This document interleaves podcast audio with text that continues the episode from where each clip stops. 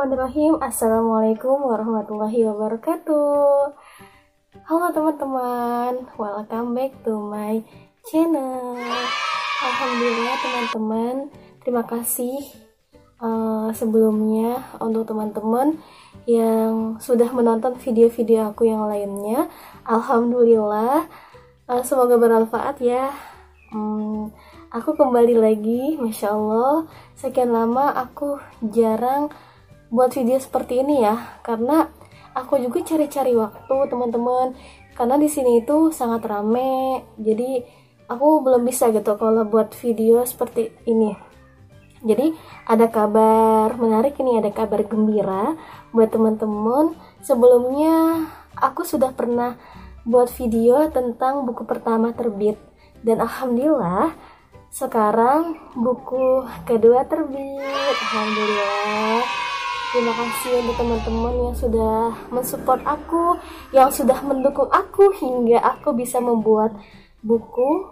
Alhamdulillah dan aku ucapkan terima kasih banyak untuk teman-teman yang sudah uh, mengikuti aku dari awal uh, hingga saat ini.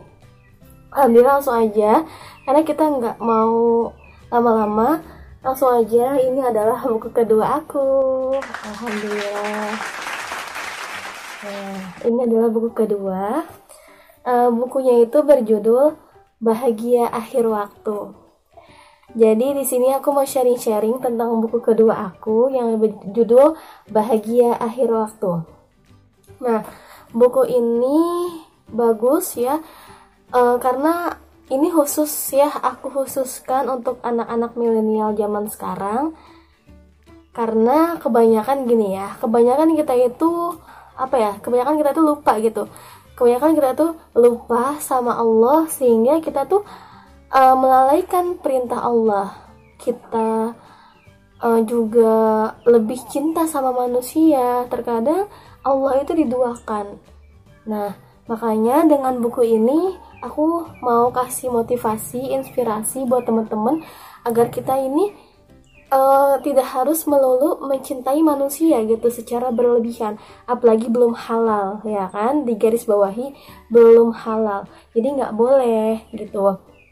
Nah di dalam buku ini ini ada cerita ada beberapa cerita yang memang membuat kita tersadar membuat kita ini sadar gitu bahwa berarti kita ini salah gitu dalam mencintai seseorang. Kita nggak boleh berlebihan dalam mencintai seseorang. Dan itu akan mengakibatkan fatal diri kita.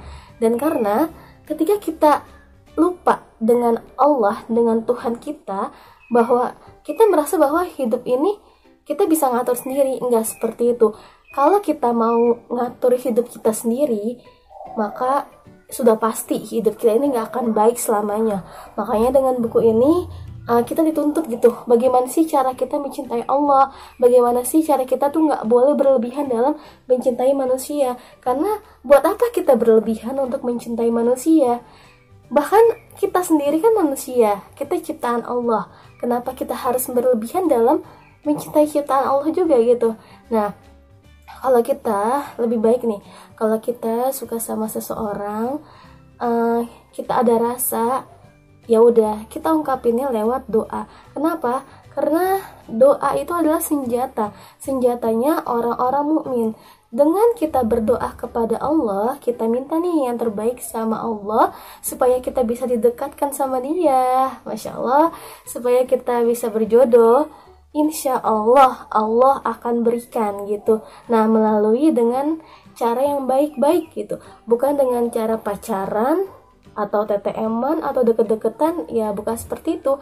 Makanya harus dirubah dari sekarang. Oke teman-teman langsung aja. Nah aku mau bacain uh, sinopsis ya. Sinopsis dari buku bahagia akhir waktu. Ini bukunya. Nah sinopsisnya ini ya. Tuh. Aku membaca dulu ya. Berbicara tentang rasa sulit untuk diungkapkan terlebih memiliki rasa dengan orang yang dicintai. Namun tak baik bila rasa ini disalurkan melalui perantara yang tidak diridhoi Allah. Simpanlah rasa ini dengan baik agar semesta merestui hubungan ini. Mencintai dalam diam lebih baik tetapi tidak boleh berlebihan karena bisa menyakiti diri sendiri. Adukan rasa ini kepada Allah bahwa kau ingin bersama dengan orang yang kau cintai.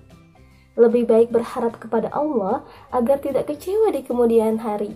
Allah tahu mana yang terbaik untukmu dan Allah akan menghadirkan pendamping hidup yang lebih baik karena kebahagiaan tidak datang di awal waktu, tetapi di akhir waktu. Masya Allah, ini adalah sinopsis dari buku Bahagia Akhir Waktu. Oke, aku mau jelasin tentang sinopsis ini ya. Kita akan bahas dulu tentang sinopsis ini. Berbicara tentang rasa, sulit untuk diungkapkan. Iya, benar. Berbicara tentang rasa, rasa kita itu sulit untuk diungkapkan. Terlebih rasa itu memiliki rasa yang masya Allah gitu ya. Mungkin kita punya rasa sama seseorang tapi kita nggak bisa ngungkapinnya karena kita juga takut gitu. Takut ditolak takut dihiraukan. Ya lebih baik rasa itu kita ungkapinnya sama Allah gitu ya. Sama Allah subhanahu wa ta'ala namun tak baik bila rasa ini disalurkan melalui perantara yang tidak diridhoi.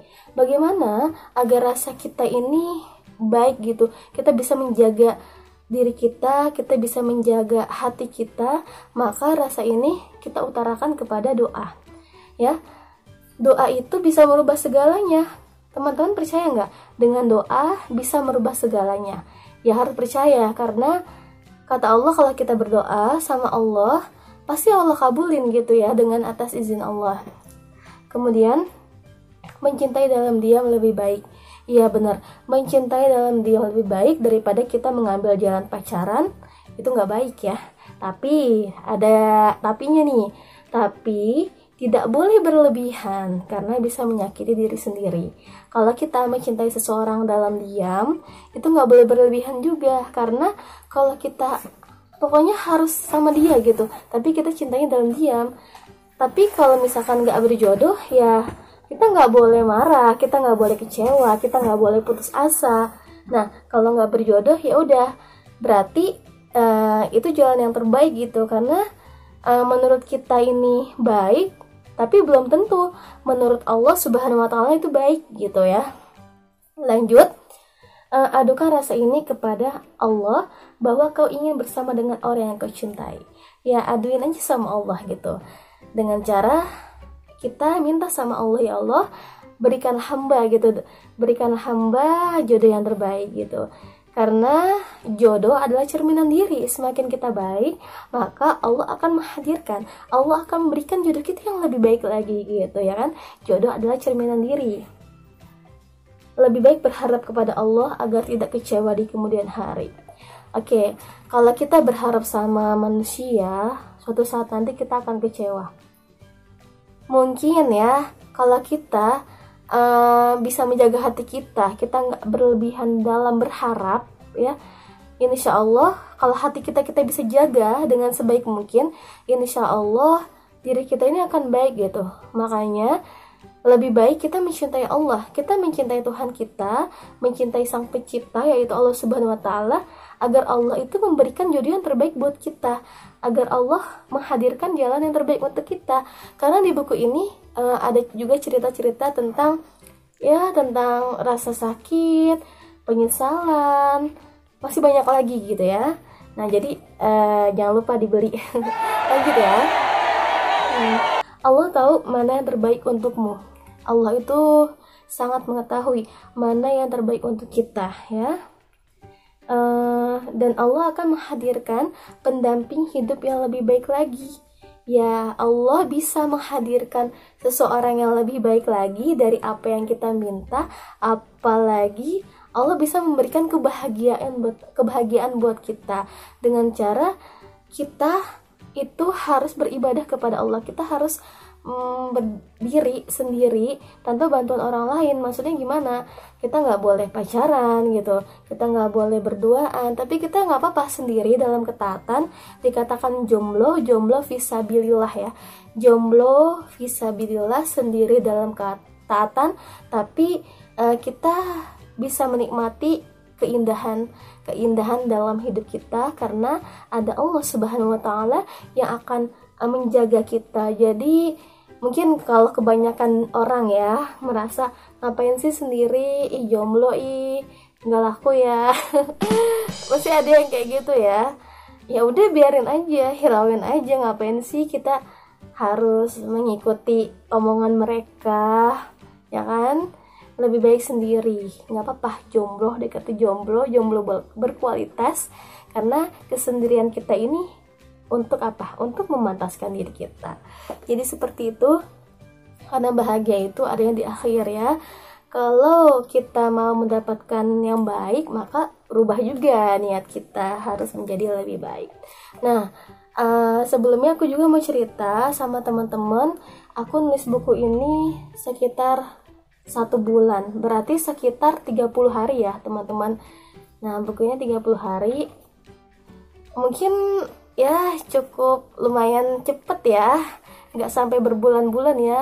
Jadi kalau buku yang pertama yang Tangisan Suara Hijrah itu lama banget ya aku nulisnya. Tapi alhamdulillah buku ini dalam waktu sebulan ya dalam waktu 30 hari ini langsung selesai kemudian terbit alhamdulillah.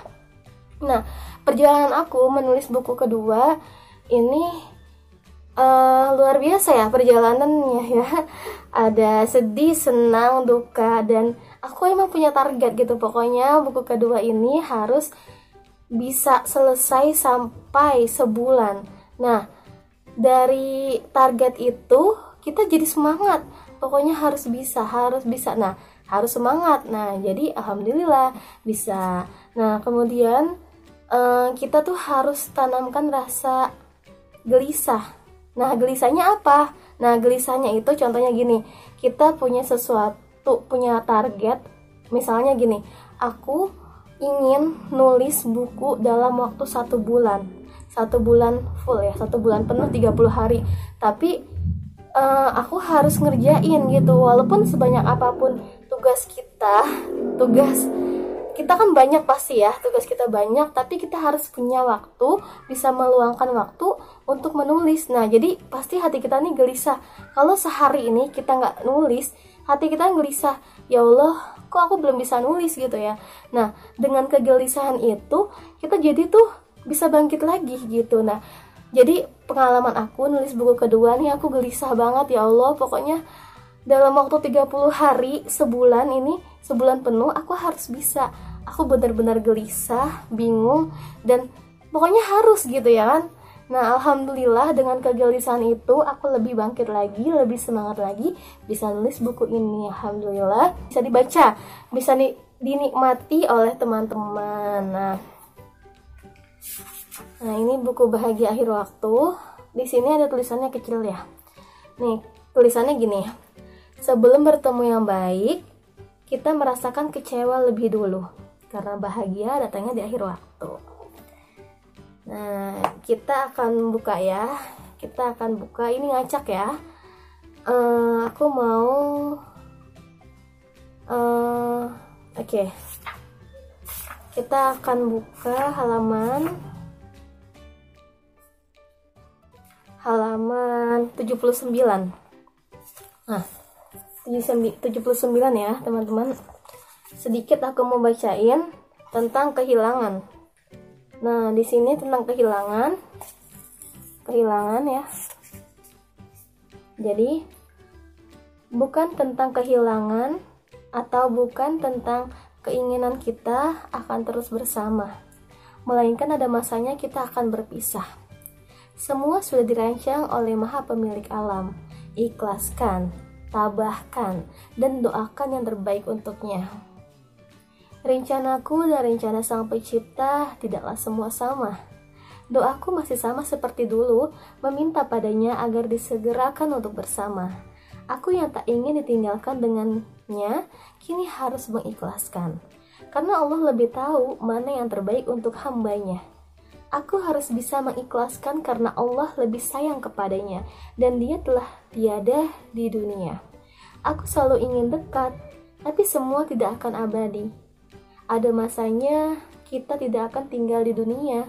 Ada masanya kita akan berpisah dengan orang yang kita cintai. Nah, jadi aku baca dari ini dari atas sampai sini ya. Sampai sini. Nah, jadi tentang kehilangan ini uh, ketika kita punya hubungan entah hubungan pacaran dan sebagainya ya kemudian kita terlalu uh, memikirkan dia bagaimana keadaannya. Kita tahu bahwa kalau jodoh itu kan rahasia Allah. Ya nggak apa-apa kalau misalkan udah nikah ya udah menikah udah halal. Ini kan kita bahas yang belum menikah ya. Nah ternyata orang yang kita sayang itu ya Allah udah panggil gitu telah tiada di dunia. Mungkin hati kita akan nangis kecewa akan sedih akan itu mah udah campur aduk kali ya udah campur aduk. Dan kita sulit untuk menerima takdir. Karena kenapa kita bisa sulit untuk menerima takdir? Karena dari awal kita ini berlebihan gitu dalam berharap berlebihan dalam berharap kepada manusia jadi itu nggak boleh ya kemudian lanjut kita akan bahas lagi Nah, tentang kita. Di sini halaman 163. Kelihatan nggak? Pokoknya 163 ya. Tentang kita. Nah, tentang kita yang tidak bisa bersama, tentang kita yang dipisahkan karena tidak ada kecocokan. Merawat kenangan ini dengan sebaik mungkin karena kita tidak akan bisa bersama lagi terlihat sedih ketika apa-apa yang kuraih tidak tercapai, tidak bisa tercapai. Aku sempat frustasi karena nyatanya kita tidak bisa dipersatukan. Aku belum bisa menerima keadaan pahit ini karena di dalam lubuk hatiku masih tersimpan namamu. Selayaknya kita memang tidak akan bisa bersama. Karena di lahul mahfuz nama kita tidak berdampingan. Nah, jadi aku baca sedikit ya, sedikit tentang kita ini. Sampai sini ya. Ini aku nggak baca semua ya karena masih rahasia. Jadi kalau mau bisa diorder lanjut ya. Nah tentang kita yang tidak bisa bersama ya kita nggak tahu ya apakah kita bisa bersama dengan dia atau tidak. Tentang kita yang dipisahkan karena tidak ada kecocokan. Nah kecocokannya itu mungkin faktornya dari hidup kita atau dari keluarga kita yang mungkin nggak menerima nggak merestui kita atau dari orang lain gitu ya tentang kecocokannya. Merawat kenangan ini dengan sebaik mungkin karena dulu kita pernah merawat kenangan kita dengan dia ya dianya itu orang yang kita sayang dengan sebaik mungkin. Dan sekarang kita nggak akan bisa bersama lagi gitu ya kan? Buat apa kita uh, hidupnya tuh harus sama dia gitu? Maksudnya kita harus mencintai dia berlebihan. Ternyata akhir dalam cerita itu kita nggak bersama gitu sama dia ya kan? Terlihat sedih ketika apa apa yang kurai tidak tercapai. Karena apa yang kita inginkan apa yang kita uh, permohonkan tapi nggak tercapai. Mungkin pasti ya kita merasa sedih merasa ya kok nggak bisa kayak gini gitu ya? Aku nggak bisa hidup kayak gini?